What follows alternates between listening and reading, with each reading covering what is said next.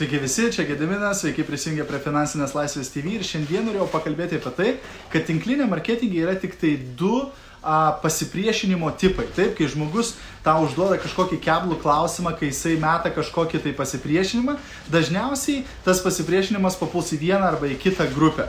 A, jeigu žiūri šio video įrašą, padaryk man paslaugą, parašyk grotelės įrašas į komentarus, jeigu esi naujas arba nauja, jeigu pirmą kartą žiūri vieną iš mano video, parašyk naujas arba nauja. Ir aišku, jeigu gausi iš šio video naudos arba kažką išmoksi, kviečiu juo pasidalinti.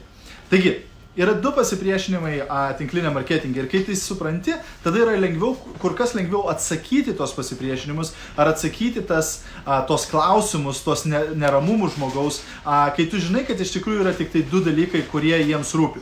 Tai pirmas pasipriešinimo tipas yra, pasi, a, kai žmogus turi a, ribojantį įsitikinimą apie savo gebėjimą daryti šitą verslą. Taip? Dažnai žmonės sakys, pavyzdžiui, o bet aš neturiu pakankamai pinigų o bet aš neturiu patirties, o bet aš nepažįstu nieko, o aš neturiu a, pakankamai laiko, ar panašiai. Visi šitie klausimai ir visi šitie pasipriešinimai, visi šitie a, a, neramumai žmogaus, taip, yra susijęs su tuo, kad jisai galvoja, kad aš pati ar aš pats nesugebėčiau daryti šito verslo dėl kažkokios tai priežasties. Taip? Ar tai aš neturiu pakankamai laiko, ar pinigų, ar nepažįstu žmonių, ar panašiai.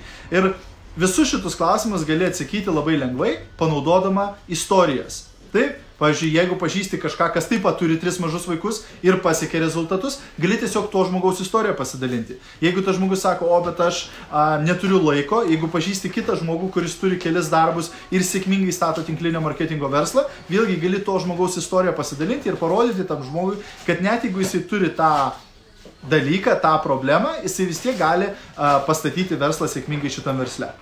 Antras a, tipas būtent tų pasipriešinimų yra, kai žmogus turi ribojantį įsitikinimą apie patį verslą arba apie pačią industriją.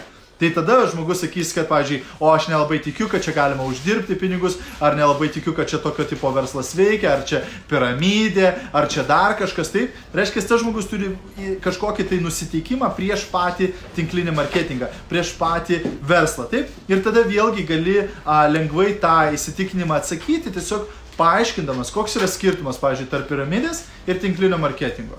Arba kodėl, pavyzdžiui, šitam versle nereikia ten investuoti labai daug pinigų, ar ten um, kažkokios tai uh, patirties turėti daug ar panašiai. Taip, vėlgi, tai kai tu supranti, kad tik tai dvi, dvi problemos yra. Arba žmogus pats netiki, kad jisai pats gali padaryti, arba jisai netiki tokio verslo modeliu. Tu tada tiesiog gali atsakyti tos klausimus, parodyti tam žmogui, kodėl tinklinis marketingas yra geras verslas, kodėl tai veikia, kodėl žmonės uždirba pinigus, paprastai žodžiais. Ir tas žmogus tada arba priims sprendimą, kad vis dėlto aš noriu daryti, arba vis tiek jisai. Nes kartais žmogus tiesiog tau duoda tą tokį keblų klausimą ar tą pasipriešinimą vien dėl to, kad jisai tavim nori atsikratyti.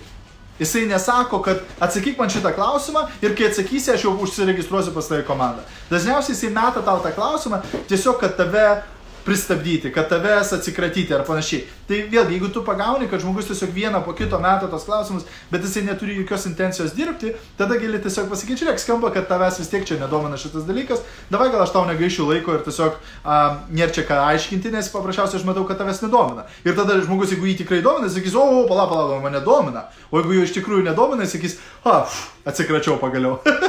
tai, tai vėlgi, mes per prievartą nieko iš šitą verslą net, netitempsime temsi kažką per prievartą, tas žmogus nieko nedarys bet kokiu atveju. Taip?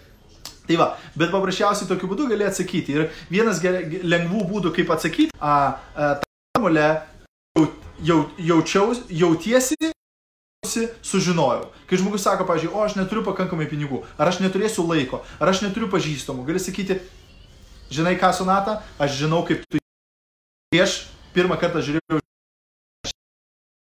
bet ką aš sužinojau, kad nereikia investuoti, kad nebūtina turėti daug pažįstamų, kad nereikia turėti patirties ir panašiai. Reiškia, tokiu būdu tu parodai, kad aš suprantu, ką tu jauti, aš suprantu, kaip tu jautiesi, aš suprantu, ką tu galvoji, taip, bet aš irgi taip pat jaučiausi, aš toks pat kaip tu, bet va ką aš sužinojau ir dabar tu irgi gali sužinoti. Taip?